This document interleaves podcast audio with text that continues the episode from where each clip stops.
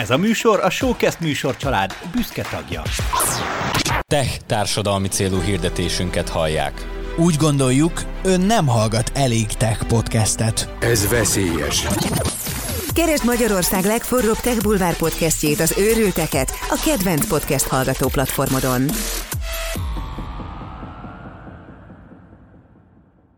Sziasztok, ez itt a GTD Podcast jubileumi hetedik adása. A hatodik adásban beszéltünk a GTD és az időmenedzsment kapcsolatáról.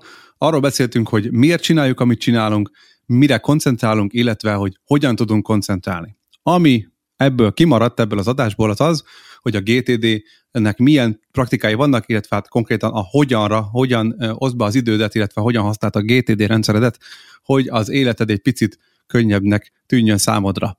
Erről lesz ma szó, itt vagyunk ma mi hárman, Doma is, Peti és én is Marci. Szeretnél hatékonyabb lenni? Ezt az érzést keresed te is nap, mint nap? Akkor jó helyen jársz, mert amit ezek a srácok művelnek, azt neked is hallanod kell.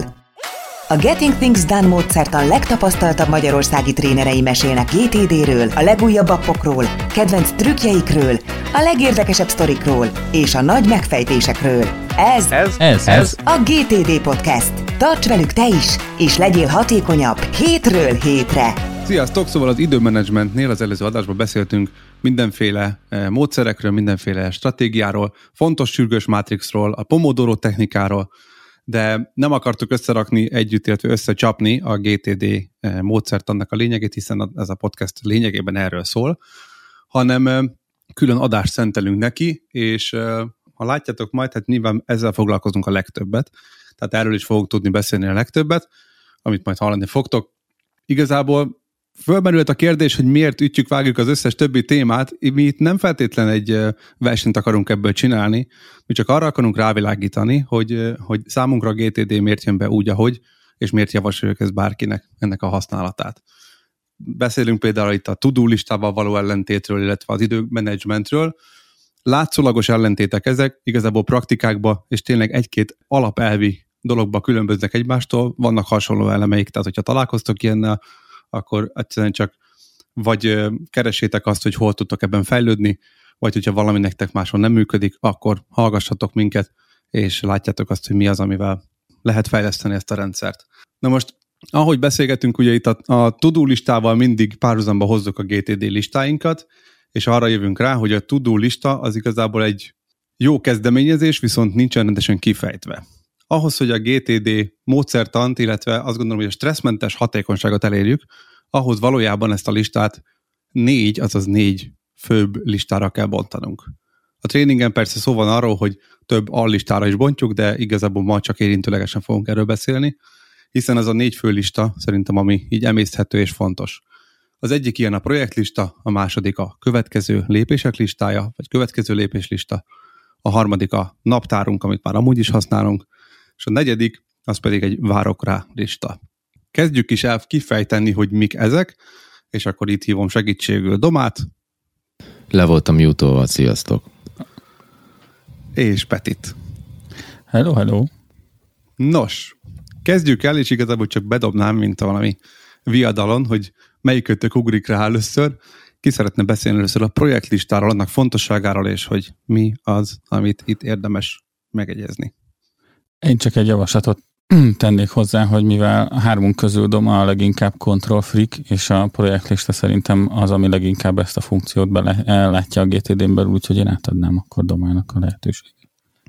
Oké, okay, megszavazom. Én meg engedélyezem.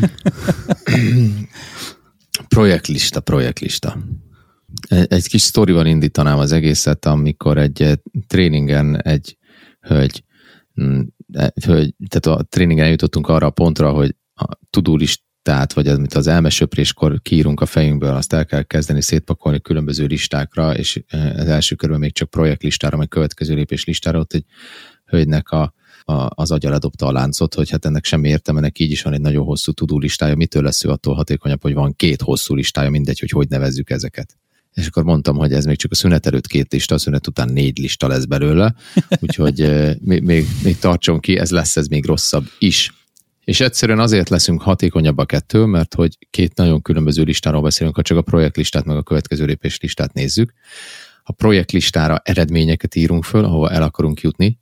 A maga GTD definíciója a projektnek az egynél több lépést igénylő egy éven belül megvalósítható eredmény, azaz megszervezni a nyaralást, fölvenni egy gyakornokot, kifesteni a konyhát, de bármi olyasmi dolog, amit te azt gondolod, hogy egy sima tudó és három lépésből megvan, hát az se egy lépés, úgyhogy az is projekt, akár megszereltetni az órámat, vagy stb. A következő lépés lista ellenben olyan elemeket tartalmaz, ami most az adott pillanatban választható lenne, és konkrét lépéseket tartalmaz, amit hogyha elolvasol, akkor tudod, hogy hogy néz ki a cselekvés. Átgondolni valamit, megbeszélni valakivel, valamit fölhívni valakit, e-mailt írni valakinek. És ezzel szemben a tudó az nagyon sokszor egy, e, egy ilyen ködös dolog, ami, ami se nem következő lépés, se nem projektlista, e, inkább a projektlistához hasonlít, mert ilyen nagyobb távú eredmények vannak benne, hogy ilyet írsz rá, hogy bank, születésnap, nyaralás, stb. Tehát hiányzik az, az eredményre utaló ige, és egyáltalán nem tartalmaz következő lépést.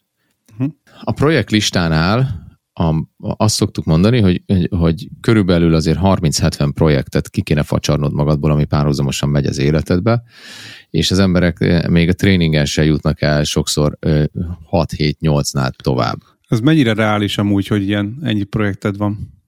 Tehát attól függ, hogy milyen munkakörbe dolgozol, de hogy nagyon sok, nyilván, hogyha nagyon sok ruti munkát végzel, ami, ami csak arról szól, hogy kinyomtatok egy papírlapot, és készen van, vagy aláírattatok valamit a, a főnökömmel, akkor ezek nem projektek, de hogy egy, egy átlagos menedzsernek azért sim, simán van ennyi, hogyha összevesszük a, a magán és a munkajellegű dolgait így egy kalap alá. Na, de egyébként ezzel én is egy csomószor gondolkoztam, hogy most így tréningen 6-8 projektet hoznak általában össze így, akik ott vannak első blikre, és egy, egy ilyen, egy ilyen bokányi segítség kell ott így a helyszínen, hogy egy-két dolgot így bedobsz ilyen kis mini bombaként, hogy erre gondoltál, és ezt nézted, és ez egyébként akkor projekt, és akkor lesz az 20 mondjuk, vagy 30 hirtelen még a tréningen, de uh-huh. ahhoz akkor kell egyfajta nyitottság. Én múltkor megnéztem, nekem 87 van most, tehát hogy ez egy ilyen aktív belakott projektrendszer. Ugye minden, nyilván ezek közül vannak nagyobbak, amikre ugye az ember koncentrál, de hogyha az elmesöprésnél tényleg sikerül az embereknek a fejéből kipakolni a dolgokat, akkor abból ki fognak bukni a projektek. Tehát, hogyha leírja, hogy Igen. rossz a kerítés, akkor, na, akkor van egy ilyen projektet, hogy a kerítést megjavítani. Meg fáj a bokám, akkor van egy ilyen projekt, hogy akkor elmenni és eh, kell felkeresni egy gyógytornást. És hogy ezek mind olyan dolgok, hogy ugye a projekt, addig fogok a bokámmal foglalkozni, még jó nem lesz. Ez egy projekt, eh, ahogy David Enne szokta mondani, hogy ahogy öregszik, egyre több body projektje van. Eh, tehát, hogy itt, itt a szemem nem jó, ott a hátam fáj, stb. Tehát egy csomó olyan dolog, ami, amivel foglalkoznia kell, mert hogy vagy a testét valamilyen szinten karban kell tartani, meg úgy esik szét, ez mindig nagyon szokott derülni. 74-75 éves most már az öreg. Szóval projektlista. Tartalmazzon minden projektet. Mond Marci.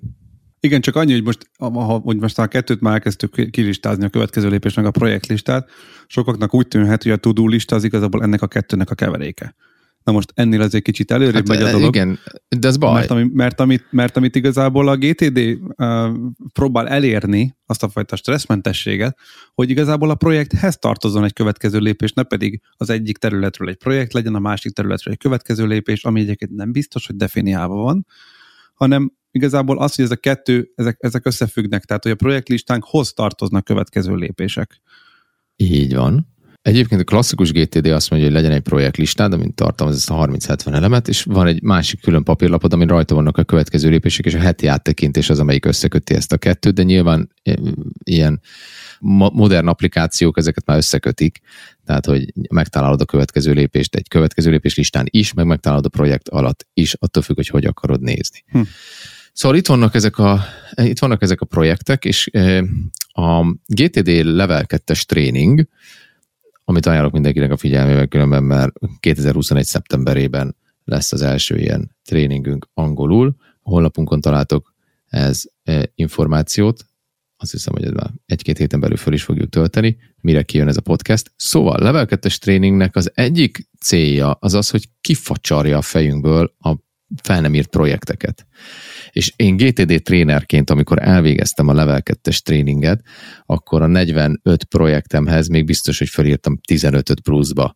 Mert hogy végig az, az a az, az megy, hogy különböző megvilágításokból megpróbál, mint ilyen zseblámpával a garázsba, hogy na az ott nem egy projekt, ami, ami neked volt, és a felelősség körönként végigmegy, hogy na akkor nézzük végig, hogy ehhez a felelősség körhöz legyen az eh, mondjuk a pénzügyeid, vagy legyen az a, az egészséged. Ezekben milyen olyan dolgok vannak, amire azt érzed, hogy ezeket állandóan karban kell tartani, vagy néha karban kell tartani, vagy most aktuálisak, és kiderült, hogy ezek projektek. Marcike, mondjad! Azt, azt mondjátok már meg nekem, hogy ti találkoztatok-e olyannal, mert én találkoztam tréningen, hogy a projektlistát valahogy így óckodnak leírni. Tehát mint hogy az ember ragaszkodna ahhoz, hogy a saját fejébe tartsa, vagy egyszerűen, vagy ahhoz ragaszkodik, hogy így nem feltétlenül akarja ezt kipakolni. Tehát, mint hogyha azt érezni, hogy bizton, jobban biztonságban van a fejében a projekt. A következő lépéshez egyébként könnyebben állnak, mert az tényleg az, hogy valamit cselekedhető, tevékeny, tevékenyen hozzá lehet állni, az oké, okay, hogy mi lehet ez a mentalitás, vagy hogyan lehet esetleg, hogy tudunk segíteni azoknak, akiknél az van, hogy, hogy oké, okay, ott van a projekt, de hát nem írom át, nekem tök egyértelmű, hogy ez egy projekt. Miért írjam le egy papírra? Ez szerintem tök általános egyébként, mert alapvetően tehát egy, hát egy bele van nevelve az emberekbe, hogy ezeket meg kell jegyezni, akkor, akkor lesz meg minden, hogyha fejbe tartom. Kettő meg van az a típus, ami, aki egy, ami az egyik legrosszabb, bocs, csak ami a legrosszabb szokás, tehát hogy ezt, ez, ezt kell kiverni az emberek fejéből, hogy be, benne akarnak tartani dolgokat. De hogy mellette meg van az az embertípus, aki kifejezetten erre hajlamos, hogy ő, ő meg akar jegyezni mindent. Mondjuk nekem most a kedvenc sikersztorim ezzel a témával, az, pont a legutóbbi csoportban van, hogy eljutottunk a tréningnek a végén arra, hogy a, a, a hölgy, aki részt vett, az, az így kimondta, hogy igazándiból azért volt neki ez egy érdekes tréning, mert hogy ő mindent fejben tartott eddig, és ugye most a tréning végére rájött, hogy igazándiból ő, mint csoportvezető van a cégnél, és rájött, hogy ő volt a legnagyobb kerékkötő a sztoriban, mert hogy mindent fejben tartott, tehát a csapata csak az ő fején keresztül tudott haladni és dolgozni, mert nem volt egy olyan felület, ahol adott esetben a csapat együtt dolgozik, és hogy ő volt a legnagyobb hát, a hátráltatója az egész munkájuknak, úgyhogy hirtelen elkezdett projekteket építeni és meghívni bele embereket. Hm. Ez az egyik. A másik meg, amire szerintem a legegyszerűbb válaszolni, hogy miért kell a projekteket fölírni, hogyha nem vagy egy klasszik projektmenedzser jellegű alkat, aki leül, és az elsőtől az utolsóig fölírod az összes tudót, következő lépést, akkor lesz egy olyan pont, amikor az aktuálisan fölírt elemek elfogynak, és hogyha nincs egy navigációs pont a projektlistádon belül az adott projektre, akkor hogyha a következő lépések eltűnnek, a projektlistádra nincs fölírva, akkor így nyomtalanul eltűnik. És akkor, e, e, akkor ekkor lesz az az időszak, amikor vársz két hetet, majd valaki rád ír, hogy na ez hogy áll. A legrosszabb esetben a projektlistad az egy emlékeztető arra, hogy valamit még meg kell csináljál. Domata, mit tanácsolnál az ilyeneknek, akiknek így igazából így elsőre nem is fekszik, meg nem is szívesen írnák ki a dolgokat? Hogy írják ki. Tudod, ez olyan, mit tanácsolnál annak, aki nem akarja megcsinálni gyakorlatokat a Zumba órán, hogy csinálja meg? Tehát, hogy tényleg ha, ha, de csak annak, aki akar változtatni. Tehát, hogyha valaki nem akar uh-huh. változtatni az életén, és, és azért belefutunk a tréningen a, néha abba, hogy, hogy ott ülnek emberek, és nem akarják csinálni, amit mondasz nekik, és akkor ilyenkor visszadobjuk a klasszikus kérdés, hogy mi volt a célod ezzel a tréninggel, vagy mi az, amit azt érzed, hogy nem működik, vagy miben várod a segítségemet. Engem ide küldtek. Az, igen, ilyen, ilyen van, és én azt szoktam mondani, figyelj, hogy hát, ha nem érzed azt, hogy, hogy van, amiben tudunk segíteni, akkor mi, miattam nem kell itt ülni.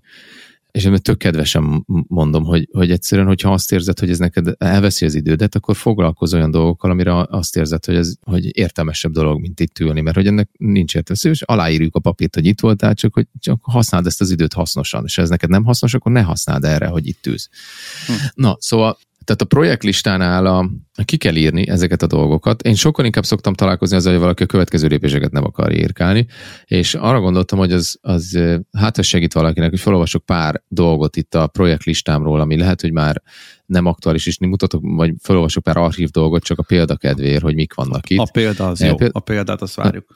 Péld, példát szeretik az emberek, például tréningindító lapot csinálni, um, erre nem volt annyira szükség előtte, mert hogy, hogy elég belterjesek vagyunk, nem vagyunk sokan, meg nem volt olyan nagyon bonyolult a tréning, de az online világtól nagyon bonyolultá vált a tréning, és tényleg van olyan, hogy négy különböző szoftvert kell használni, mert az egyikben megy a tréning, a másikban megy a tréning utókövetés, az ügyfélnek eh, elküldünk mi egy tréning értékelő lapot egy harmadik szoftverbe, és ő meg használ egy negyedik szoftvert a saját értékeléséhez, és akkor mindezt tudni, mindegyikhez van egy külön link, és eddig elég volt egy linket berakni a naptárba a tréninghez, most van négy link, azt már nem rakjuk be a naptárba, és tök jó, hogyha ezek külön vannak szedve, és le vannak írva, hogy pontosan mi, mik az ügyfélnek az elvárása, és ráadásul a platform az három különböző platform a tréningen, és még az, tehát bonyolult lett. Tréning indító lapot csinálni, tehát ez volt egy ilyen projekt. Egy állandó projekt nekem itt a, a training, a, a trainer, training, re, tra, GTD Trainer Renewal, hogy fordítanánk ezt le magyarra, hogy a,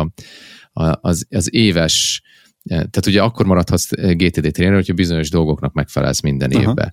Tartasz tréningeket, meg részt, részt veszel konferenciákon. A licensz megújítál nem a licensz, az más. Ez a, tehát, ja igen, ugye az, tehát per fő licensz, igen. Tehát, hogy ez, ez egy állandó projekt, és benne van az a négy dolog, amit meg kell csinálni minden évben, és minden évben újra, e, újra jön ez a projekt. Ügyvezetés Excel táblát csinálni, hogy lássam azt az 5-7 listát, ami, amiből, amiből én döntést tudok hozni, mondjuk a cashflow-nkat, vagy a, a, a tréningeket, vagy bármi olyasmit, ami nekem segít abban, hogy tudjam, hogy a gázpedált kell nyomni, vagy a fékpedált.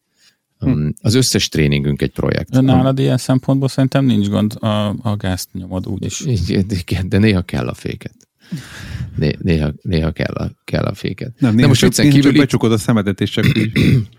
az a fék. Tehát viccen kívül az én személyiségem az, hogy itt ülünk, a te fejeden is van egy fejhallgató, ugye már két podcast óta beszélgetünk erről a fejhallgatóról, a te fejeden is van egy fejhallgató, az én fejemben is van egy fejhallgató, de Marcén még nincs.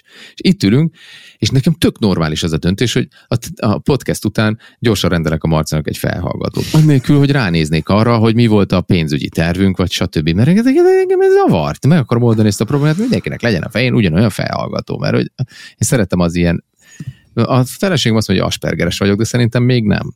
Hogy én szeretem, hogyha a dolgok rendben vannak. Ezt most nem azt, mondom, nem azt mondom, hogy itt a GTD hierarchián belül bármifajta kényszer lenne a, a részvevőkön belül, de, de mióta együtt dolgozunk a domával, azóta mind a hárman szakállasok lettünk, csak mondom. Na, szóval mondok ja. még pár projektet. Meg kell csinálni néhány javítást a, az, az online tréning anyagban, mondjuk PPT-be beleírni valamit, ami, ami ott rosszul van, vagy egy, egy helyesírási hibát találtunk. Ilyenek, ilyeneket nyilván rögzítésnél egyből csinálsz egy fényképet, mondjuk vagy egy print screen-t, vagy felírod egy, egy cetlire, és bekerül a bejövő irattartódba, és nem azonnal csinálod meg, de nem felejted el, csak hogyha majd tényleg minden nagyon gyakorlati kéne, hogy legyen. Itt van például a Level 2-es tréningnek az elindítása, ami egy nemzetközi Level 2-es tréning lesz majd angolul szeptemberben, és az is itt van, mint projekt, vagy itt volt, már nem, a hamar.hu optimalizálása, mert hogy lassúnak éreztem a weboldalt, és kiderült, hogy ez nem csak egy annyi dolog, hogy ott kattintok valamit, az egész weboldalt úgy, ahogy van, újra kellett rakni a sablonba, és átmenni egy másik szolgáltatóhoz, és a többi, és a többi, és ebből lett egy nagyon nagy projekt és ja, az itt, van, itt volt, mint régi a Doma otthoni iroda, ahol most itt ülök, és, és el kellett venni mikrofont, lámpákat, fejhallgatót, és mhm. hogy és hogy ez is itt volt, mint egy ilyen projekt. Vagy itt van a GTD podcast elindítása, és hogy ebbe is volt egy csomó olyan dolog, amit nekünk meg kellett csinálni, az intrótól, ki legyen, aki fölmondja az intro szöveget, hogyan nézzen ki az arculat, stb. Oké, okay? tehát hogy így e- ezek a projektek, amik vannak, és ebből van egy csomó, minden sales projektünk egy külön projekt, minden tréningünk egy külön projekt, ezekből azért van több tucat, és akkor ezen kívül vannak külön, nekem külön felelősségkörönként szétszedve, mint PR marketing, pénzügypályázat, eh, irodatechnika, HR, portfóliófejlesztés, De itt szerintem egyébként a, a legkomolyabb kihívás a sztoriban az az, hogy, hogy neked, neked, meg a Marcinak, meg aki, meg aki itt van tréningen, és használja, mit tudom én, fél éve, vagy csak elolvasta a könyvet, és tökre tetszett neki, és használja már egy ide. Azért van sok projektje, mert ezekre így gondol, hogy ezek projektek. Tehát szerintem a, a, a Gebasz, meg a, meg a kihívás igazándiból a sztoriban az van, vagy ott van, hogy, hogy nem projektként tekintenek rá az emberek ezekre a dolgokra.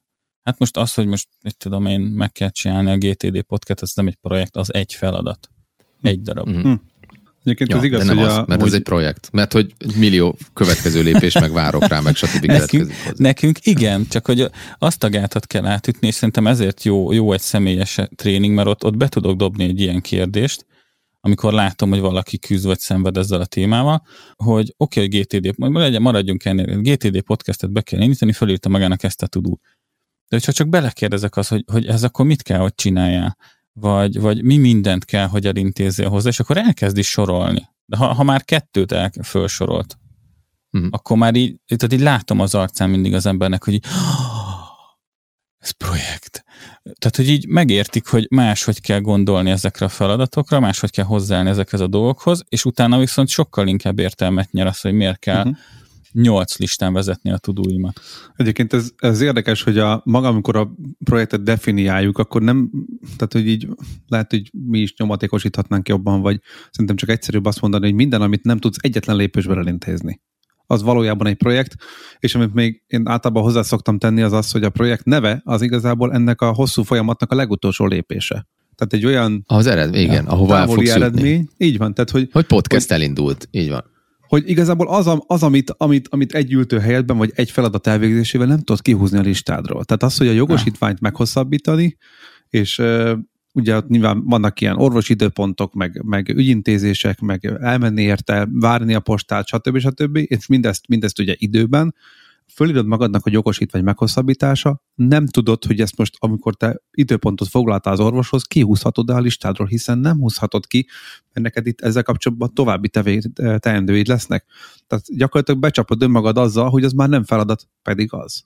De egyébként ezt tudod, mire, mire egy tökéletesen jó példa, hogy felírok egy darab következő lépést, hogy foglalni kell időpontot az orvosnál, és utána az átköltözik az egész projekt a naptáramba. Tehát ez egy tök jó arra, Így hogy van. hogyan működik ez az egész egyben, és miért jó ezeket egybe kezelni, és miért mindegy a naptárnál majd erre szépen vissza fogunk térni. Na de akkor is föl van írva a projektlistádra, hogyha csak naptár események vannak. Projektlistámban ott van. Mert, mert egy csomó ember úgy csal, hogy hát ezek ben vannak a naptárban, minden héten van egy meetingünk erről a erről a miről, erről a projektről, de hogy nincs rajta a projektlistámon, mert hát úgyse felejtem el, mert benne van a naptáramba.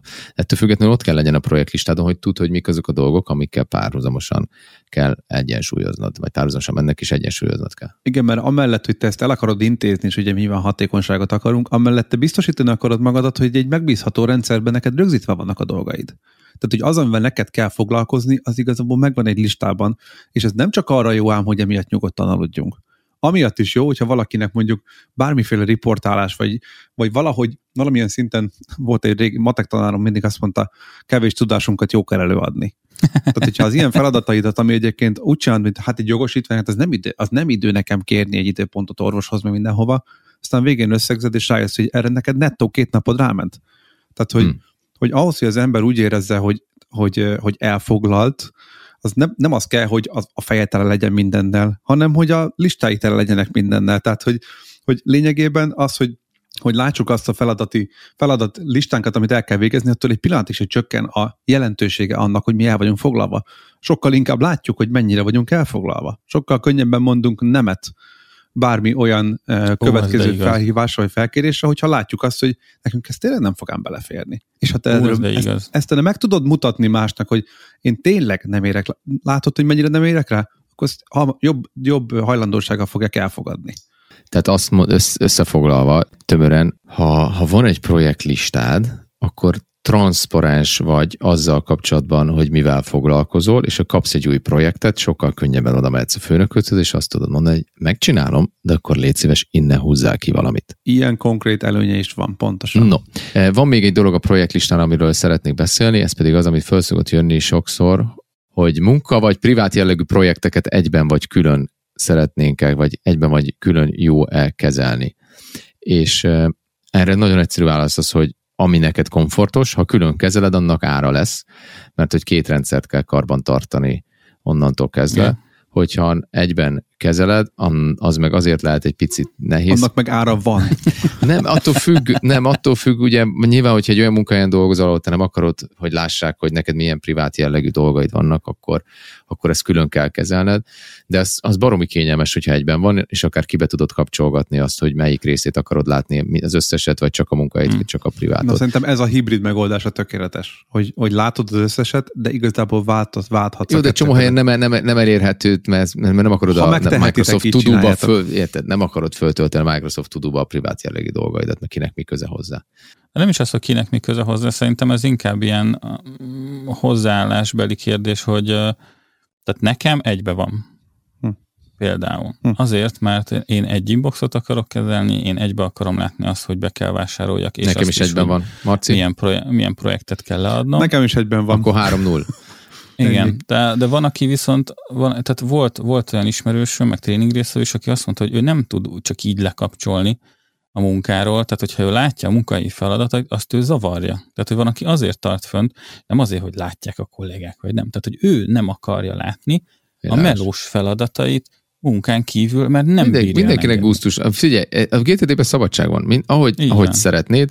Hogyha van rá lehetőséged, és neked jobb egybe látni, akkor kezeld egybe, hogyha nem akarod kezeld külön, hogyha nincs lehetőséged, akkor meg fogadd el, hogy az élet tökéletlen. Ebből nem lesz gond, csak tanuld meg használni. Ez volt a kisebb téma.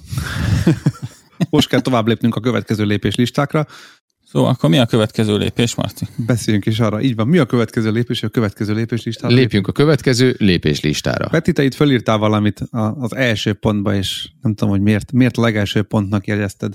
Mert szerintem ez a, ez a kulcs az egésznek a működéséhez. Most az, hogy írok egy végtelen hosszú projektlistát magamnak, amiről tudom, hogy végtelen számú következő lépések vannak benne, az nem fog segíteni. Tehát itt, itt megint csak azt, azt hozom vissza, hogy ez a 648 darab feladat, amit én egy hétvége alatt fölistáztam magamnak, azt én egyetlen egyszer láttam egyben, amikor feltöltöttem vele a Todoistet. Én nem viccelek, szörnyű volt, tehát hogy, hogy katasztrófa volt azt egybe látni, és egyáltalán nem megnyugtató érzést keltett bennem az, hogy ezt most oda egybe fölvittem. Viszont az, hogy azt én azóta nem láttam egyben soha, az a következő lépés listáimnak köszönhető, mert mindegyiket elraktam a maga helyére. Hm. És ettől lesz a GTD egy, egy tök jó kezelhető Na, de rendszer. most belementél abba a komplexitásba, hogy a következő lépés listákat külön szedtük, de szerintem induljunk egy, egy, egy, egy picivel egyszerűbbről, hogy egy következő lépés listája van az embernek, és ott van 200 következő lépés. Még ne szedjük külön, hogy átgondolni, meg megírni, meg, meg, megbeszélni. Igen, még, még ennek a, meg a legosztásáról még nem beszéltünk, tehát négy főlistáról beszélünk most, és ha, Projekt Ne, következő lépés naptár várok akkor, rá. Akkor, kit, akkor kitérünk rá, de Igen, tehát projekt következő lépés naptár várok rá, és itt a következő lépés listát nem szereteltük föl. Egy van, és ha abban 200 következő lépésed van, akkor 200 következő lépésed van, testvérem, akkor ezzel kell menedz, ezt kell menedzselned az életedbe. Dobják ki projekteket, ne legyen ennyire komplex az életed, és akkor kevesebb lesz. De hogy ennyi, ha ennyi van, akkor ennyi van. Mi nem, nem adunk senkinek extra következő lépést, ezek az életedben lévő dolgokból jönnek. Én azon szoktam mindig mosolyogni, amikor tréningem ugye benne van az anyagban, hogy így általánosságban véve 100-300 feladata átlagban mindenkinek van, és akkor így általában így néznek, hogy hát ez kamu, és amikor van, a, van az implementációs nap, és az implementációs nap végén így megkezdem, hogy aki mennyit írt föl, simán 100 és 200 fölött vannak. Úgy, hogy ott helyben leírt ennyit. És itt jön be a legdurvább bonyolítása egyébként az emberek saját magukkal szembeni elvárásainak, és az az, hogy erre még rápakolják azt, hogy a projektjeiket úgy érzik, és egyébként tudom, hogy ilyen kultúrába jövünk, és tényleg az van, hogy néha megnyugtatóbb, hogyha fölírjuk a projekthez tartozó összes következő lépést, de még azzal szivatjuk, szivatják magukat, hogy a projekthez képest azt mondják, hogy a projekthez minden következő lépést le kell írnunk, és majd akkor, akkor leszünk feltétlenül nyugodtak ezzel kapcsolatban. Ami itt a fő probléma az az, hogy ezek az összes következő és az azt követő lépés egy rendszerbe kerül. Tehát amiről most mi beszélünk, hogy 100-200 feladat, az tényleg következő lépés. Nem a projektterv, nem egy projekthez tartozó 30 lépés, Igen. és abból csak az elsőt tudod megtenni. Ez tényleg egyesével megtehendő dolog. Most azt képzeljétek el, hogy még ezt rápakol, erre még rápakoljuk, rápakolnánk azokat a következő utáni lépéseket, ami egyébként, hogyha a bármiféle változás van, akkor az érvényét veszti. Tehát a következő lépés listának szerintem a legfontosabb uh, része az az, hogy hogy ne kelljen azon gondolkodnod, amikor már ehhez a listához nyúlsz, ne kelljen azon gondolkodnod, hogy ehhez neked megvan-e minden erőforrás, megvan-e minden Így van. eszköz, megvan-e minden információ, megvan a telefonszám, megvan-e a, a, megvannak a statisztikai adatok, hogy összeállíts egy, egy táblázatot, hanem már tényleg végezhető feladatok vannak, hogy amikor az akaraterőnek egy, egy pici morzsája is már megvan benned, hogy te most dolgozol, akkor legyen előtted egy olyan lista, amiből azonnal tudsz választani, és azonnal tudsz vele dolgozni. Mit gondoltok erről? Ugye föl szokott az merülni, hogy oké, okay, de akkor a projektterve mit csinálok, mert ugye a GTD azt mondja, hogy írják ki mindent a fejedből, és hogy nekem benne van a fejemben az, hogy ezt a tíz dolgot majd ne felejtsem el, akkor azt ír, ír, hova írjam ki. Lényegében mindegy, vannak olyan applikációk, amik elviselik azt, hogy beleírod az applikációba, ha külön tudod választani azokat a lépéseket, amik nem következő lépések, mert következő lépés utáni lépések. E, mondok egy példát, egy házfelújításnál két-három dolgot választhatsz most. Fölhívhatod a burkolót, nézegethetsz csempét a neten, vagy elmehetsz csemperagasztóira az obiba. Most mondtam valamit. De egy házfelújítás lehet 2000 lépés is. A maradék lépések nem aktuálisak, nem kell ezzel foglalkoznod, hogy majd majd nem tudom, hogyha föl kell szerelni a lámpát a kész a fürdőszoba, vagy egy nem kell fölszerelni, de hogyha föl akarod írni, ez nem következő lépés. Következő lépésből hármat választatsz, felhívhatod a burkolót, elmehetsz az obiba, és vehetsz csemper, vagy válogathatsz csempéket a neten. Értitek ezt a különbséget? Most nem tudtok válaszolni, hogy ez egy ilyen, ez csak ilyen, ilyen költői kérdés az éterben, hogy értitek a különbséget, hogy, hogy mi miről beszélünk, hogy a következő lépéseknél bőven elég sok az, ha azokat a lépéseket látod, amiket választhatnál. Itt van egyébként egy különbség szerintem a, a, a klasszikus projekttervezés, meg projektmenedzsment és a GTD-s projektek között, ami, ami okozhat problémát az értelmezés során, mert azt mondom, hogy projekteket csinálok, vagy projekteket tervezek meg magamnak, akkor normál esetben az ember azt képzeli el, hogy a, a, elkezdek nézegetni a netentől, a letörlöm a kész burkolatot a, a fürdőszobában, így összeírom az egészet, mert akkor van megtervezve a projekt. Amúgy. Szerintem, tehát nekem az a tapasztalatom, hogy ez okozza a legtöbb problémát. Egyébként nem csak tapasztalat, hanem nem csak a tréneri tapasztalat, hanem a saját tapasztalatom is az, hogy attól függetlenül, és talán legyen egy üzenet, egy, egy, egy jó hír a részünkről, vagy bátorítás a részünkről, teljesen oké, okay, hogyha az elsőre meredek. Tehát, hogyha a tréningeken is mindig az vagy, de miért nem tervezhetem meg? Miért, miért akartok leszoktatni arra, hogy megtervezzem? Tudod mit? Ha meg akarod tervezni, vagy még azt érzed, hogy ennek nincs értelme, akkor tervezd.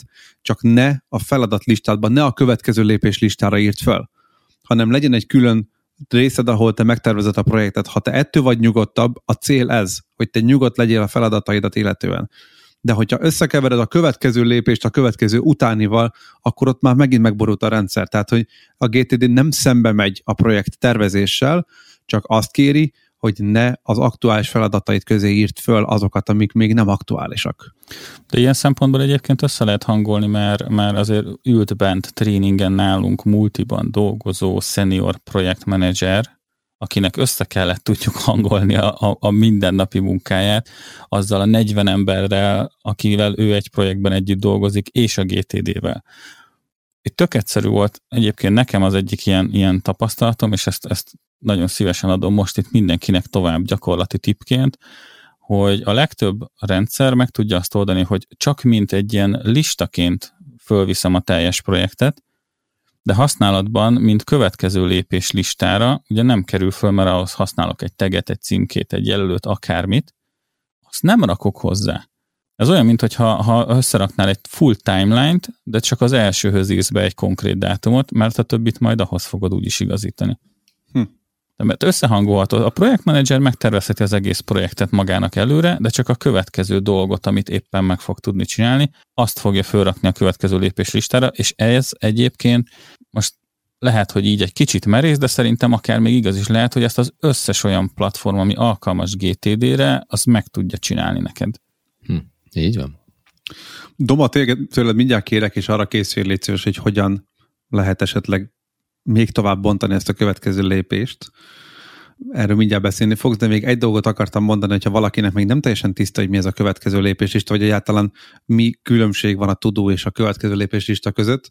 Két napja vettünk egy szekrényt az IKEA-ban, és nem mondanám a Bootorbot nevét, de pont azért mondom, mert az összeszerelési útmutatójuk eddigi tapasztalataim szerint náluk a legpontosabb, a legkorrektebb és ezt egyébként vissza is jeleztem nekik, hogy ez nagyon király, hogy ha, leg, tehát teljesen, ha, soka, ha elég jól nézed a rajzot, teljesen pontosan azonosítható az az elem, amit oda kell tenned. Mit okoz ez? Nem lapozgatsz előre öt oldalt, és megnézed, hogy mi lesz, hogy milyen csavar majd hova fog illeszkedni hanem mint, és a Lego is kicsit ilyen, de most pont azért raktuk össze, hogyha Lego, van egy megbízható, ha, így van, ha van egy megbízható rendszered, abban neked nem kell előre lapozgatni, hogy mi lesz a következő lépés, egyszerűen csak azt, ami ott van az ábrán, oda csavarj be két csavart. Hogy ez mit fog okozni a végén, még csak nem is kell, hogy tudjad. E, természetesen, ha már itt tartunk, a projekt az gyakorlatilag a útmutató elején egy fotó, vagy egy rajz, hogy hogy fog egyébként az egész Így kinézni. kéne kinézni. A következő lépés meg az, hogy Tök ezt jó. a két csavart csavard ide. És Tök jó. valahogy- tudod, Jó a miért példa, lopom, jól? lopom, lopom, Tök jó a jó. példa, És- lopom. és- Tudod, mi, tudod, miért működik ez a példa jól a GTD-vel? Igen? Egyébként. Szerintem Már, tudja, azért mondta. Nem vagyok benne biztos, ez nagyon kicsit általánosnak hangzott. Mert, mert amiben, a, és csak annyi, hogy visszacsatolva arra a mai témára, meg a múltkorira, hogy az időmenedzsment, nekem az a kedvencem, a, hogy, hogy GTD alatt nem azt fogjuk megtanulni, hogy hogyan lehet háromszor gyorsabban megírni egy e-mailt, mert ez nem a gyors gépírás tanfolyam, hanem a feladatok közti időt tudod megnyerni vele, és az IKS lista az azért egy jól működő lista, amiért egy jó GTD-snek is a következő lépés listája jól működik, mert a konkrét következő lépés így benne van. Tehát nem az van, hogy ház, hanem hogy így megnézni azt, hogy melyik házat fogjuk megvenni, elmenni házat. Tehát pontosan meg van fogalmazva az, hogy mit kell csináljál, hogy az a csavar a helyére kerüljön, és no-brainer, nem gondolkozol a következő lépéslista ürítésekor azon, hogy most éppen mit kell, hogy csináljál. Uh-huh. És akkor működik jó. Ha, és megint ökölszabály, ha három hónap múlva ránézel a listára, és ránézésre megmondod, hogy konkrétan mit akartál magadnak itt üzenni, akkor jól írtad fel. Hm. Ha gondolkozol, hogy vajon itt mire gondolt a költő, akkor nem. Aha. Egyébként egy gyors ellenpéldát hadd mondjak, itt már nem mondom a cégnek a nevét, mert nyilván rossz reklám, hogy szídni nem akarok senkit, de egyszer kaptam egy olyan bútort, vagy vettünk egy olyan bútort, ahol viszont a teljes összeszerelési útmutató egy darab A4-es oldalon volt. Az összes lépés egyszerre. Egy négybetűs bútor volt, amelyik nem az IKEA. Tudjátok, mennyi idő volt összerakni? Igazából 20 perc lett volna, azért lett két és fél óra, mert vissza kellett bontanom. Tehát amikor azt hiszed, hogy te ez annyira tök jó ki van fejtve, hogy te lásd az egésznek a vízióját, lásd az összes lépést, az összes lépcsőt, akkor majd jó lesz. Figyelj, ha az ötödik lépcsőfokot nézed, a következőn simán megbotolhatsz. Nekem a mélypont egyébként ilyen bútor összeszerelés szempontból az volt, amikor összeszereltük, majd visszabontottam, és újra maradtam a zsanérnak a, lyuk, a helyét az ajtóban, mert hogy az szar volt. Nem mondunk ilyen csúnya Fogtam a szót. fúrot, és újra. Figyelj, 18 Nem, nem karikásra fogja az semmi. Apple rakni a podcastünket, csú- csúnyán beszélünk benne. Úgyhogy az volt a mélypont, amikor konkrétan egy, egy szám fúróval, és nekem nincsen ilyen, ilyen lyukmaró, meg mit tudom én itt hátul. Az bő- Nem vagy férfi, egy igazi férfinek van minden, minden is. Nem, egy igazi férfi megcsinál mindent is. Én egy sima fúróval martam a lyukat a, a zsanérnak, tehát hogy az az igazi kihívás. De célszerszámmal mindenkinek Chuck megy. Norris kiharapja, nem kell neki fúró hozzá. Így van, így van. Ennyi. Század pontosan. Ennyi. Doma, fölhívtalak arra, hogy egy picit uh, ugorjunk bele még jobban Következő a mélyébe, lépés, követ, és nagyjából oké. 50 másodperc Következő van arra, lépés hogy a listák. De hogy tényleg ez már hardcore része a, a GTD-nek, mert növeli a komplexitást, és ez nem feltétlen jó, mert hogyha elveszel ebben, akkor utána az egészet így, egésztől elmegy a kedved. Szóval, hogyha a következő, ehhez, Ha- ehhez már gyertek el tréningre, ha és kö- olvassatok tehát a a következő lépés, eh, következő lépések igékkel kezdődnek. Fölhívni Pistit, fölhívni a fodrászt, fölhívni a főnököt, fölhívni az osztályfőnököt, stb. Akkor rájössz arra, hogy ezeket egy csoportba lehet szedni, és az egészet el lehet nevezni ezt a csoportot úgy, hogy telefon, vagy, vagy uh, hívások, vagy stb. És hogy, hogy van néhány ilyen lista, ami ilyen klasszikusan megjelenik, hogy számítógép, telefon, átgondolni, megbeszélendő, otthon, iroda, stb. Tehát vannak, vannak ilyen alaplisták, amikkel kezdünk, és ezeket, hogyha ha neked ezek segítenek, akkor lehet így csoportosítani. Nekem például az egyik kedvencem egy, egy, egy speckó számítógépes allista, úgy hívják, hogy árajánlat, és nekem sokkal könnyebb koncentrálnom az árajánlatokra, mint hogyha benne lenne 200 következő lépés között. De azt is szoktam mondani, hogyha valakinek ez a komplexitás sok, menjen vissza a következő lépés listára, és szedje szét, és van, akinek az működik, hogy összesen két listája van, munka, meg, meg magán. És hogy az munkaféle következő lépések, meg magán jellegű következő lépések, hogy tudja, hogy melyiket nézze. Úgyhogy ez baromira rajtad múlik, hogy te mennyire szereted ezt a komplexitást, és milyen különböző dolgok vannak, és mi hányféle nézőpontból akarsz a feladataidra rálátni. Bármelyik működhet, ha azt érzed, hogy túl komplex, akkor egyszerűsíts, ha azt érzed, hogy túl egyszerű, eh, akkor meg vigye bele komplexitást. Annyi ilyen kontextus van, hogy én azt gondolom, hogy simán megér ez egy adást, úgyhogy ö, erre ki Ó, fog majd térni, és nem csak, a, írtam. nem csak a darabja, nem csak a, a számszerűsége miatt, nem, hogy rengeteg van, hanem hogy mindegyiknek megvan egyébként a maga kis uh, pszichéje. Uh, mindannyian még utolsó záró gondolatnak a következő lépés bontásához mondjátok már, hogy nektek mi a kedvenc kontextusotok, és az miért? Peti? Nekem, nekem kettő egyébként, mert az egyik ugye nyilván a számítógépes listám, mert az, az, az ami, ami helytől, meg minden kontextustól független. Tehát ha van nálam laptop, akkor tudok vele dolgozni, és ezt bontottam én alá egyébként az éves során egy szűkítettebb listára, mert van egy olyan listám, hogy számítógép és gondolkodni való, amikor, a, amikor egy kicsit az idő erőforrást is rá kell szánnom, és nem elég az, hogy mit tudom én 15-20 perc garantáltan ott tudok lenni előtte, hanem, hanem mondjuk egy órát tuti ott kell, hogy üljek a gép előtt, és arra csináltam egy külön listát. Mert az egy tök jó szervezhető dologgá teszi nekem a napot, hogy most egy órát minimum kell rá allokálnom, akkor azt mikor fogom tudni megcsinálni. Vagy megfordítva, ha most tudom, hogy most egy órán át nyugi van, akkor azonnal el tudok kezdeni dolgozni, mert megnyitom ezt a listát, és ott van előttem. Hm. Doma? Nekem a számlák a következő lépés lista az, amelyik nagyon tetszik. Egyszerűen azért, mert hogy nekem a memóriám olyan, mint egy aranyhalé, és utálok dolgokra koncentrálni, és ugye ebbe benne van minden, amit fizetni kell mondjuk egy hónapban, vízszámla, villanyszámla, eh, internet, stb. Benne van egy csomó dolog, amit ugye nem havonta kell fizetni, mondjuk az éves biztosítás az autóra, de benne van az is, hogy mikor kell fölmondani a biztosítást, hogy kössél egy újat, akkor vannak dolgok, amiket negyed évente kell, vagy két havonta kell, ugye a vízszámlát azt hiszem két havonta kell fizetni, stb. És ezekre egyáltalán nem emlékszem, arra meg aztán pláne nem, hogy milyen platformon kell bejelentkeznem, és arra milyen jelszavaim vannak. És ez egész az összes, a gyerekebéd befizetése, az edzésének a befizetése, az egy listán van rajta, és ezt megnézem minden héten, akkor tudom azt, hogy semmi se esik le az asztalról.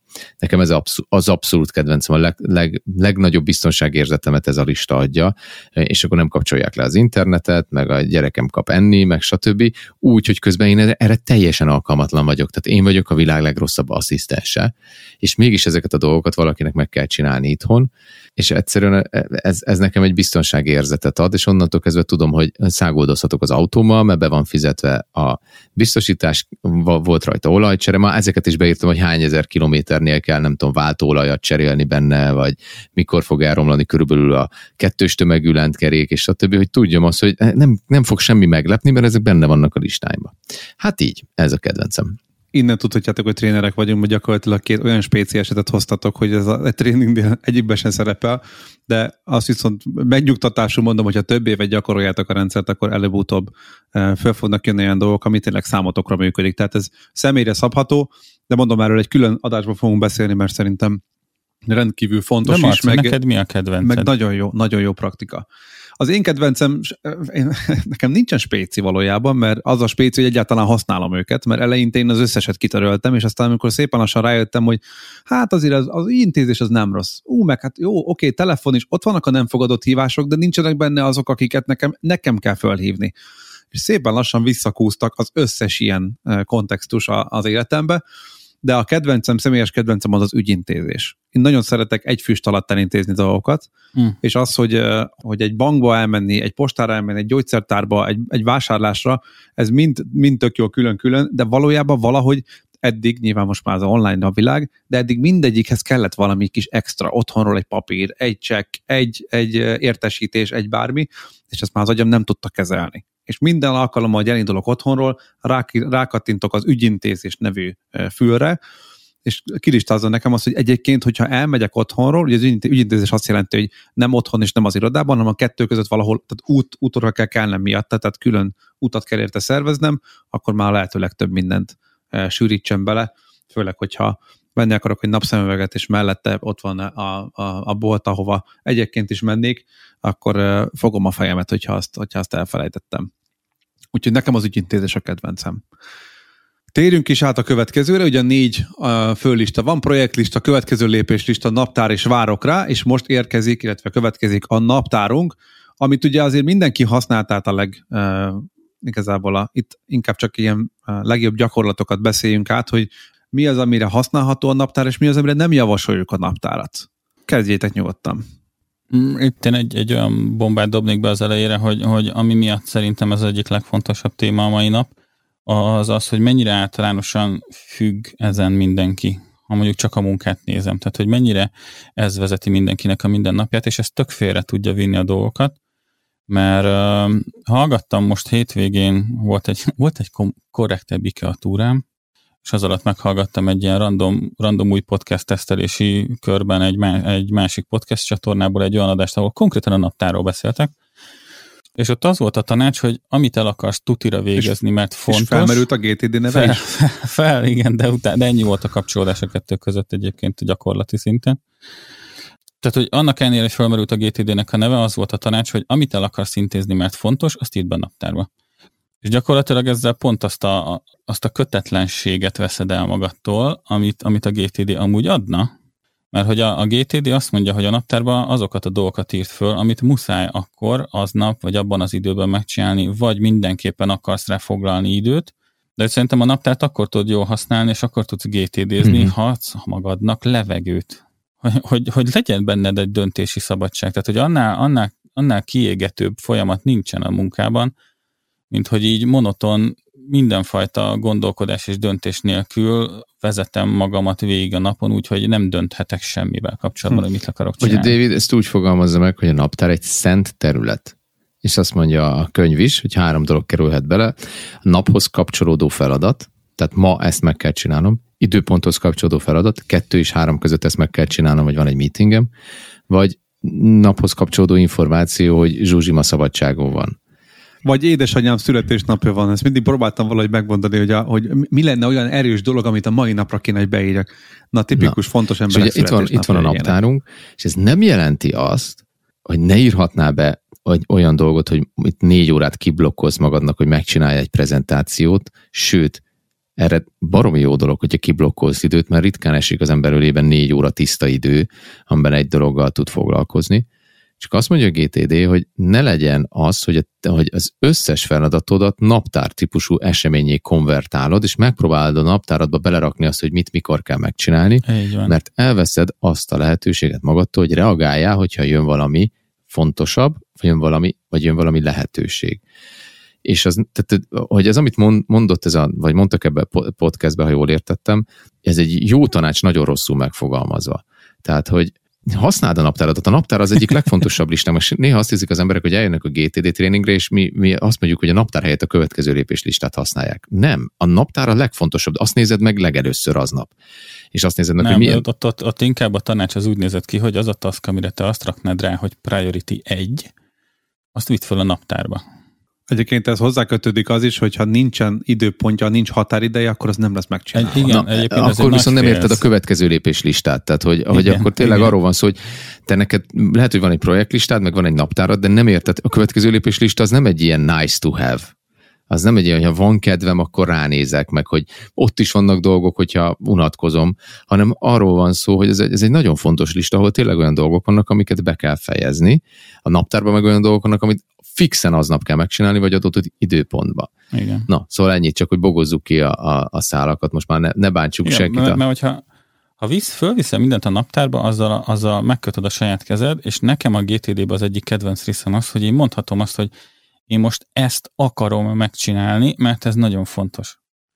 De ha minden, ha 8 órányi cucc van berakva nekem a 8 órányi munkanapra, át egy akkor nem fog megcsinálni, mert ezt mindenki tudja, hogy nagyjából nettó 6 óra munkával telik a bruttó 8 órányi munkaidő, ez egy másik kérdéskör. De ha be van blokkolva nekem a 9-től 5-ig az, hogy mit fog csinálni, akkor a nulla rugalmasság lesz a rendszerben. Utálni Igen. fogod használni. Szerintem. Nekem volt egy ilyen szabály az életemben, hogy egy, egy, egy időben, hogy 20 óránál nem lehet több dolog a naptáramba fixen. Na most az nagyon nehéz, hogy a két teljes napig tréninget tart. Egy nap. Nem, nem, ugye egy egész héten. Hogy most a két, két nap tréninget tartasz, akkor lassan kezdett kimaxolni, de rájöttem, hogy nekem ez így működik, mert elkezdtem több dolgot belerakni, akkor nem tudtam azokra a dolgokra rendesen készülni, nem tudtam reagálni a megkeresésekre e-mailem, akár a kollégáimtól, akár ügyfelektől, és az volt a megoldás, hogy figyelj, ezekre mind lesz idő allokálva, de nem ezen a héten, hanem a következő héten. Úgyhogy a, a naptár az, az, az rendesen mutatja az ember terheltségének a, az egészséges szintjét. És hogyha ebben túl sok dolog van, akkor az ez nem, nem fogja a hatékonyságot növelni. Ott hibázni fog az ember, ott kapkodni fog, ott ki fog égni, és egész egyszerűen hosszú távon nem jó. Visszanyal a fagyi. És a nem véletlen van az autón is fék. Tehát nem csak a gázt kell nyomni, hanem a féket is, és van egy optimális sebesség, és ez um, sokszor azzal védekeznek az emberek, hogy de hát a munkahelyük kényszeríti őket erre. De ez nem feltétlen igaz, mert a munkahelyen is egy csomószor találkozom olyan emberekkel, akik ugyanabban a pozícióban ugyanolyan főnök alatt dolgoznak, és az egyik halába terheli saját magát, a másik pedig nem. És még nem is biztos, hogy ez, aki halába terheli magát, az év végén bónusz kap, vagy nagyobb bónusz kap, mint a másik.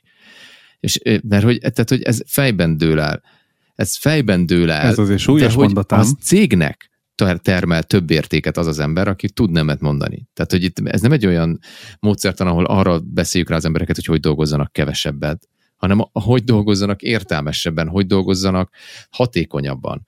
És, és néha a nemetmondás az egyik legjobb. És nagyon sokszor arról számolnak be a tréning résztvevők, amikor kérdezem őket a, a hatékonyságról, hogy ők nekik volt olyan időszakuk az életükben, amikor a két végén égették a gyertyát, és állandóan túlóráztak, és most már tényleg ötkor fölállnak, vagy hatkor fölállnak, és megkérdezem, hogy mi a következménye, és általában az a válasz, hogy semmi. De nincs, nincs ennek valami szörnyű következménye. Ez a mm, tapasztalat, hogyha ha 200 e-mailre válaszolsz egy nap, akkor te is 200 választ fogsz kapni. De, de ha csak 50 e-mailre válaszolsz, akkor nem fogsz 200 választ kapni. Érted? Tehát, hogy, hogy, hogy te is nyomod azt a gázpedált, tehát nem igaz az, hogy csak vele történik az, hogy túl vagy terhelve. Tehát, hogy amikor te e-maileket, e-mailekre válaszolsz, akkor te a más postafiókját pakolod tele levelekkel éppen. Tehát, hogy vissza kell venni bizonyos projektekből, és lehet, hogy, hogy jobb lesz az eredmény. Pénzügyileg is jobb lesz az eredmény, fluktuáció csökkenni fog, a munkahelyi hangulat jobb lesz, a kreativitás növekszik, tehát meg kell tanulni nemet mondani, és a, a, a projektlista, amiről a legelején beszéltünk, pont abban segít, hogy az ember lássa azt, hogy, hogy milyen mennyiségű dolgok, dolog van az életébe. Na, azt hiszem túl, túl, túl, túl toltam. Na, még egy sztori. Egy sztori. Valaki azt mondta nekem, hogy Doma, Igen, figyelj, igen, kivágtam egy-két projektet az életemből, lett időm gondolkodni, és rájöttem, hogy túl sok dologgal foglalkozom. Érted ezt a viccet? De igen, Ezt de én a munkadóknak is nem mondom. De mondjuk ezt a félmondatot. De ha meg akarja tartani az embert hosszú Nincs távon... igaz a munkadónak, amikor, amikor halába hergeli az embereket, hogy mennyit kell dolgozni, mert nem lesz nagyobb a profit az év végén. Nem fog gyorsabban menni a hajó. Tehát attól, hogy a kocsit 8000-es fordulaton nyomatod, attól több üzemanyagot fog fogyasztani, hamarabb elkopik a motor, halálstresszes lesz a pilóta, és néhány meg is fog halni, mert hogy 200-zal próbálja bevenni a kanyart. Nem fog maximális mennyiségű ember a leghamarabb átmenni a célvonalon.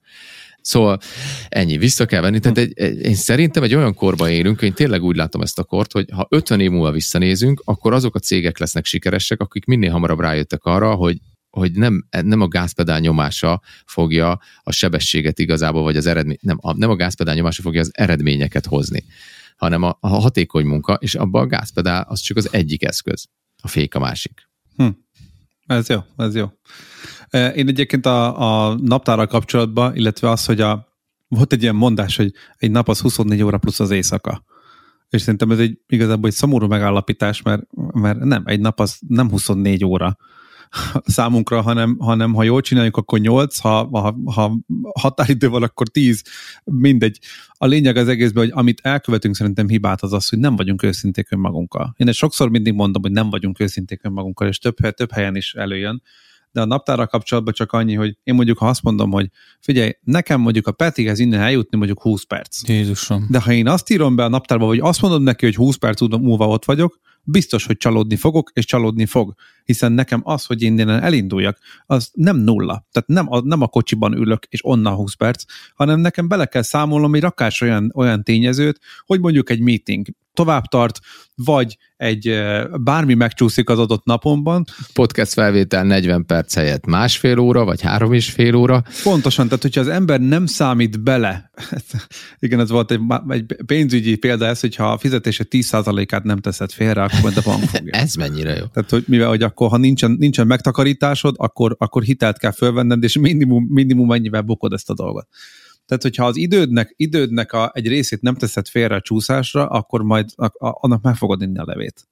Tehát csak legyetek őszinték önmagatokkal, és igenis ér magadnak időpontot foglalni olyan témákra, ami, ami neked nem, nem a naptári feladatod, mert ha megnézed a következő lépés listádat, hát igenis bőven van rajta olyan feladat, ami nem naptárhoz kötött. Viszont valamikor el kell intézni. De ha a naptárad fullosra, százszerzelékre tele van, akkor mikor fogod ezt csinálni? A, egy csomó embernél láttam azt, hogy, hogy bele raktak egészségesen, és ez egy jó szokás, beleraktak olyan időpontokat a naptárukba, ahol mondjuk az e-mailjüket fogják kipucolni. És akkor egyből tisztában látták azt, hogy ők mennyi meetingre mondhatnak igent, mert hogyha ott arra az időre ő rászervez egy meetinget, akkor az e-mailt így is úgy is ki kell pucolni, csak az este 7 és 9 között fog megtörténni, ami kontraproduktív.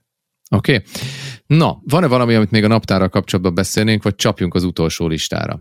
Szerintem most elég volt ennyi, majd ezt még ki fogjuk bontani szerintem később úgyis. Abszolút. Még jobban.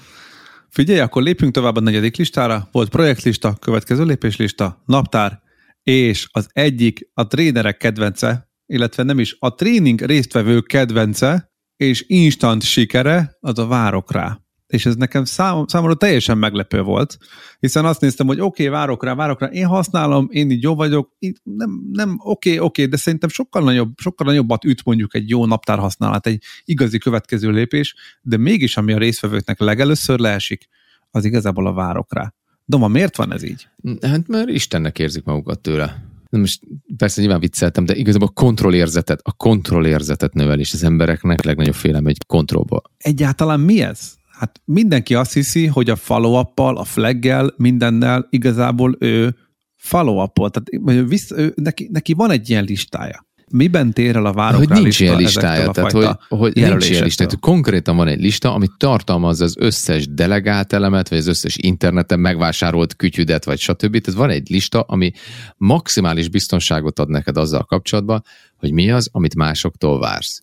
És az a, a, a, leg, a legzavaróbb egyébként, hogy tényleg nincsen listája az embereknek, mert nekem, egy, e, nekem egyszer beégett egy ilyen beszélgetésem az egyik részvevővel, aki egy, egy multinál volt igazgató, tehát hogy már tényleg nagyon fönt volt a hierarchiában, és hogy azt tudjuk, hogy minél föntebb vagy, annál többet delegálsz. Uh-huh. És amikor meg, elkezdtünk arról dumálni, hogy jó, jó, oké, te delegálsz, nagyjából mennyit, de, mennyi e-mailt küldesz ki, ami delegál, mondjuk naponta, és mondta, hogy hát úgy nagyjából 40 e-mail megy ki jónokhoz, hetente ennyi, és hogy mondjuk, hogyha jövő héten ezt vissza akarod nézni, hogy mi, ki hol tart a melóval, akkor jó, van egy, van egy inboxod, ami kontrollálja, hogy ki válaszol, de hogy azt akarod látni, hogy ki az, aki nem válaszolt, arra nem jó az inboxod, és ugye nyilván az volt a válasz, hogy akkor az elküldötteket elkezdi átnyálazni. Mm. És ez csak 200 olyan levél, ami, ami delegálás, és azon felül van minden más levelezése. Most abból ember legyen a talpán, aki kiássa. Nincs ilyen listájuk az embereknek. Ez, ez egy hiperszexi cucc szerintem a GTD-n belül. Legjobb, legjobb várok rá lista. Mindent írj ide föl, amit nem akarsz fejben tartani, és delegáltál, vagy megrendelted, vagy stb. Hogyha úgy érzed, hogy nem kell fölírni, mert ez rendben lesz, mert csak annyit mondtam a titkárnőmnek, hogy vegyen nem tudom, egy csomag A4-es papírt, és neked ezt nem kell fölírni, mert tudod, hogy ezek amúgy is automatikusan megtörténnek, akkor ne írd föl, ne szemetelt tele fölöslegesen a listádat. De bármilyen dolog, aminél fölmerülhet a gyanú, hogy te ezt valakinek leadtad feladatként, és nem fog elkészülni, vagy nem fog elkészülni határidőre, akkor azt írt föl, mert hogyha fölmerül a gyanú, akkor a fejed azt tudni fogja, hogy nek téged erre emlékeztetni kell, és stresszelni fog téged, és aztán azzal fog stresszelni, hogy nehogy elfelejtsd, és aztán azzal fog stresszelni, hogy elfelejtetted, és az egész csak a stressz szintedet növeli. Írt fel a várokra listára, és kontroll alatt lesznek ezek a dolgok, és nem kell vele foglalkozni, csak akkor, amikor rápillantasz, pillancsál a nap elején, vagy pillancsál a heti áttekintéskor, vagy állíts be, hogyha olyan applikációt használsz, hogy az összekötötted a naptáraddal, akkor a naptáradnál meg fog jelenni aznap, amikorra te ezt várod, és nem csak a várokra listádon lesz, hanem a naptáradban is, például a Tudó is tud ilyet, vagy az Asana is tud ilyet, meg a Todoist is tud ilyet, a legtöbb applikáció ezt már tudja, csak be kell röffenteni, hogy, hogy működjön. Nekem a kedvencem egyébként, hogy nem task szinten van erre emlékeztet. Jó, amikor konkrétan az, hogy péntekig meg kell, hogy jöjjön, akkor nyilván rakok be csütörtökre egy emlékeztetőt, meg péntekre. Egy dolog. De hogy nekem ami bevált, itt a várok rá listánál, az az, hogy melyik napon pörgetem ki az egészet adott esetben, és így ugye nyilván adatalapú marketingben foglalkozunk, tehát hülyére van tesztelve ez a cucc is. Tehát, hogyha pénteken megyek végig a vároklálistán, az olyan, mintha nem csináltam volna semmit, mert pénteken már senki nem fog vele komolyabban foglalkozni. Ellenben, ha hétfő reggel pirítod végig a vároklálistádon levő emberkéket, akik, akik mondjuk csúsznak, akkor viszonylag hamar kapsz választ és eredményt, mert hétfőn még mindenki energikus, és ami elmaradás van, hogyha hétfőn kéred, hogy pótolják, mert a vároklálistádon látod, hogy hát az bizony megcsúszott, akkor tök jó százalékában sokkal nagyobb lesz a sikerrátája annak, hogy ezek mennyire valósulnak meg azért, mert te mondjuk a várokra listádat végigpörgetted. Illetve, hogyha valaki gyors uh, magyarázatot akar a várokra listának az előnyére, akkor csak egy kérdés, mi jellemző egy jó autószerelőre? Az, hogy a olajos a köpenye. Hogy fúra be van havazva. hogy fúra be van havazva. Kinek a kocsiját csinálja meg?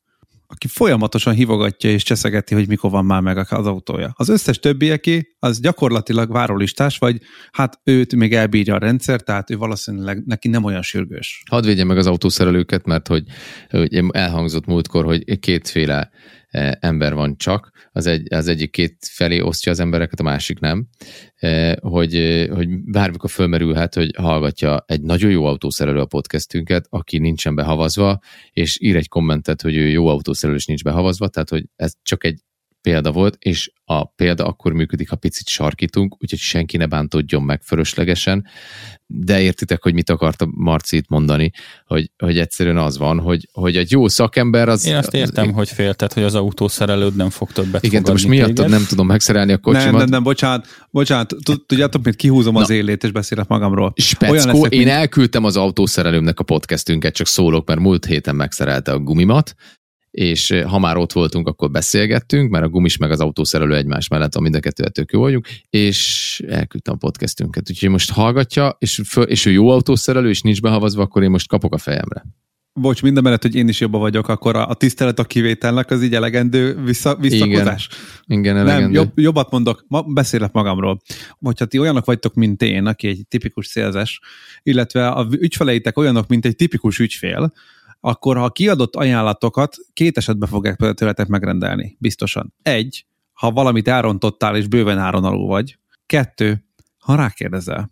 Tehát egyszerűen na, nagyság, tehát meg tudom mondani, hogy majdnem, majdnem százszázalékos a statisztika, hogy az az ajánlat, amit én kiadtam, és igazából versenyképes, tehát az versenyképes alatt azt értem, hogy más, összemérhető más ajánlatokkal is, azokat rendelik meg amelyiket, amelyikre vissza, visszatérnek és rákérdeznek.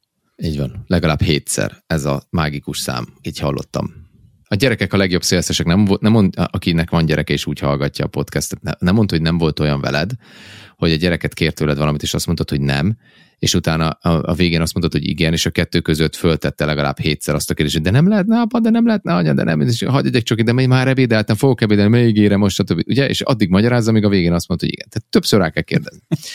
No, szóval ennyi volt a várok rá lista. Van-e valami, amit ehhez még hozzáfűznénk, hogy ne húzzuk több fölöslegesen ne legyen nem hatékony a podcast, mert hogy sokat beszélünk. Hallottunk ilyet, hogy sokat beszélünk, szeretünk sokat beszélni, és ez amikor keveset beszélünk. Az ilyen. Igen, most a Doma figyel. Illetve írjátok már meg nekünk, hogy nektek mi lenne az ideális hossz egy ilyen podcastre. Tényleg, írjátok meg. Mert itt beszélgettünk a, a, a csapatba, hogy a 20 és a 60 perc között hova lőjük be ezt az egészet, és az, arról a, volt pár olyan visszajelzés, hogy, hogy lehet, hogy jobb lenne, ha rövidebb lenne, de a rövidebb akkor lenne, hogyha ez ilyen vettisztán információ átadás lenne, és akkor nem lenne sztori, nem lenne beszélgetés, nem lenne kitekintés, nem lennének feltétlen példák, nem lenne olyan dolog, ami nem szorosan kapcsolódik, de szerintünk egy ilyen e, izgalmas lenne. Mi úgy érezzük, hogy akkor jó ez a podcast, hogyha ha, ha része vagy annak a beszélgetésnek, ami, ami hármunk között zajlik három sör mellett. És hogyha ha, nyilvánvalóan, hogy ilyen beszélgetés nem arról szól, hogy lehetőleg hamarabb elmondjuk a másiknak, hogy milyen applikációt találtunk, és ott milyen funkciók vannak, hanem hogy beszélgetünk dolgokról. És mi szeretnénk téged, mint hallgatót ebbe be, bevonni ebbe a beszélgetésbe, de nagyon szívesen várjuk a ti visszajelzéseteket, hogyha, hogy, hogy ti mit szeretnétek mondjuk három perc és három óra közötti időtartamba, mi lenne ez optimális hossza, mert beszélgettünk arról, hogy például a podcast akkor jó, hogyha elmész a munkahelyre, és közben meg tudod hallgatni, de mivel mindenki home office dolgozik, ezért szóbiciklivel se tart tovább 10 másodpercnél tovább, hogy bejuss a munkahelyedre, tehát nem tudjuk, hogy innentől kezdve mi lenne az optimális hossza. Írjátok meg nekünk az infokukat szamar.hu-ra. Illetve azt is írjátok meg nekünk, hogy milyen témákban hallanátok szívesen tőlünk, hiszen ha a kéne, hogy génkapocsról is tudnánk beszélni másfél órát, de szívesen beszélnénk arról, amit titeket érint, illetve érdekel. Lehetőleg GTD témában, de hogyha majd más is érdekel, akkor nyitunk új csatornát.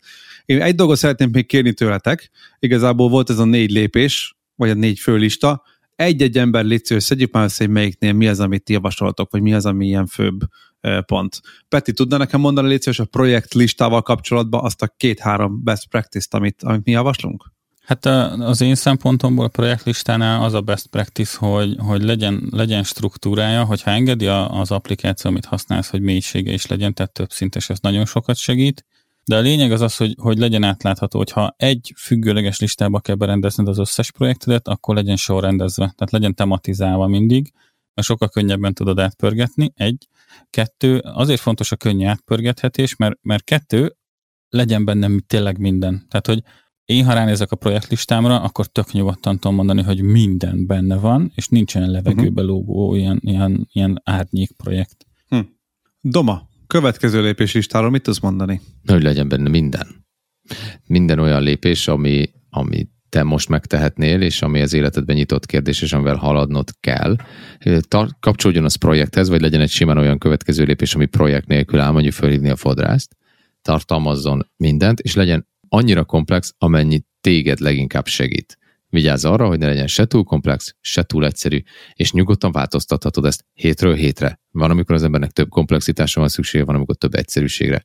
Mindig szolgáljon ki téged, és tartsd karban. Ne, ez nem egy hanem minden héten nézd át, és, lá, és, és ezeket a kapcsolódásokat, ezeket az igés saját magaddal, ezeket frissítsd. Naptár, Marci. A naptárral kapcsolatban én mondom, az az, hogy ne legyen benne minden. Három dolog lehet benne, adott időpontra vonatkozó dolog, adott, adott napra vonatkozó feladat, illetve adott napra vonatkozó információ. Ha úgy érzed, hogy szabadon hagysz magadnak időt, és ezért a kollégák gyorsan be fogják foglalni, akkor arra az időre is tervezzél magadnak. Tehát munkával fogsz te foglalkozni, de akkor legyél magaddal őszinte, és ezekre az időkre, vagy akkor egyszerűen csak jelez kifelé is, hogy te itt amúgy a munkáddal foglalkozol, azt, hogy éppen nem másnak teszel ígéretet, hanem magadnak, attól azt, hogy nyugodtan rögzítheted a naptáradba. Jó? Nem attól fogják fel, lemérni, legalábbis egy hosszú távon tervező cég nem arra fogja lemérni, hogy mennyit dolgozol, hogy mennyire van tele a naptárad, hanem hogy mit végeztél el. Ha várok rád, kire bízhatom? Doma, mondja te, és aztán Peti, te pedig elköszönsz. Nem, Petire, mindig az van, hogy én beszélek sokat, nem akarok sokat beszélni. Peti? Igazad van, Peti, beszélj. A várok rá lista szerintem akkor működik jól, hogyha az is gondozva van, és ott szerintem inkább az a, az a fontos, hogy, hogy milyen gyakran nézed meg, és milyen gyakran üríted. Mert uh, futottam rá én is arra, és ebből tanultam meg, hogy nekem a legfontosabb része a várokrának, hogy azon tényleg csak olyan legyen, ami még mindig várok rá, mert hajlamos voltam egy időben kiüríteni a feladatokat, hogy na, akkor ez megjött, akkor várok rá alapján mentem tovább, és akkor csináltam a következő lépéseket, de az elem ott maradt a listában. És később az csak plusz fejfájást okozott nekem, hogy most már megint ott van egy olyan dolog, az csak egy plusz extra, hogy adott esetben, hogyha nem figyeltem, akkor kiküldtem egy emlékeztetőt, hogy na ezzel mi van, és jött vissza a válasz, hogy múlt héten küldtem el. Tehát, hogy az már csak így önmagában egy arcvesztés, úgyhogy szerintem ami, ami tök fontos ezzel kapcsolatban az az, hogy legyen up-to-date. Nem, nem, tehát nem a teljesség a lényeg, hanem pont inkább azt mondom, hogy az ürítés az, ami fontos. Le kell zárnod, Marci. Így van. Akkor köszönjük, hogy velünk voltatok, és ez volt a négy fő lista, amivel a, amivel a GTD operál. Várunk titeket szeretettel a következő podcast adáson. Ugye beszéltünk már arról, hogy az infokukachamar.hu-ra tudtok írni. Azt én akartam Most, Domás, most te mondod. És hogyha akartok írni, akkor az infokukachamar.hu-ra írjatok. Sőt, hogyha szerintem fejeljük meg azzal, hogy ha kérdésetek van, akkor küldjetek el hangüzenetben, amihez a linket berakjuk a show notes-ba, és akkor bekerültök a podcastbe. Ja, várjad, akkor én is kérdezhetek ilyen hangüzenetbe? Bocsánat, akkor újra mondom. Tehát, ha esetleg kérdésetek van, és nem a doma vagytok, akkor küldjetek nekünk hangüzenetet, és akkor bekerültek a podcastbe. Oké, okay, várj, várj, de utolsó, nem akarok ezzel rúgózni. De én, én mondtam, hogy én kioffolom magamat a következő pár hétre, mert elmegyek szabadságra, de nem úgy, mint múltkor tudod, hogy elmegyek szabadságra, és ti zaklattok, és telefonon fölhívtok podcast adás közben, hanem elmegyek szabadságra. Ja, ez teljesen jól sikerült. Hogy, de ha elmegyek szabadságra, akkor én már nem vagyok benne a podcastban, akkor kérdezhetek tőletek. Ez valahol jogos is lenne, de, de ezt még meg kell vitatnunk. Ezt majd, Igen. Ezt majd meg, megbeszéljük. Így van. Legyen, legyen tere a mi egyéniségünknek is. De minden esetre köszönjük, hogy velünk voltatok. Itt volt veletek Doma és Peti. És Marci. Sziasztok! Sziasztok! Sziasztok! Legközelebb találkozunk. Köszönjük, hogy velünk voltál. Bízunk benne, hogy segítettünk neked ma is hatékonyabbá válni. Várunk a következő epizódban is.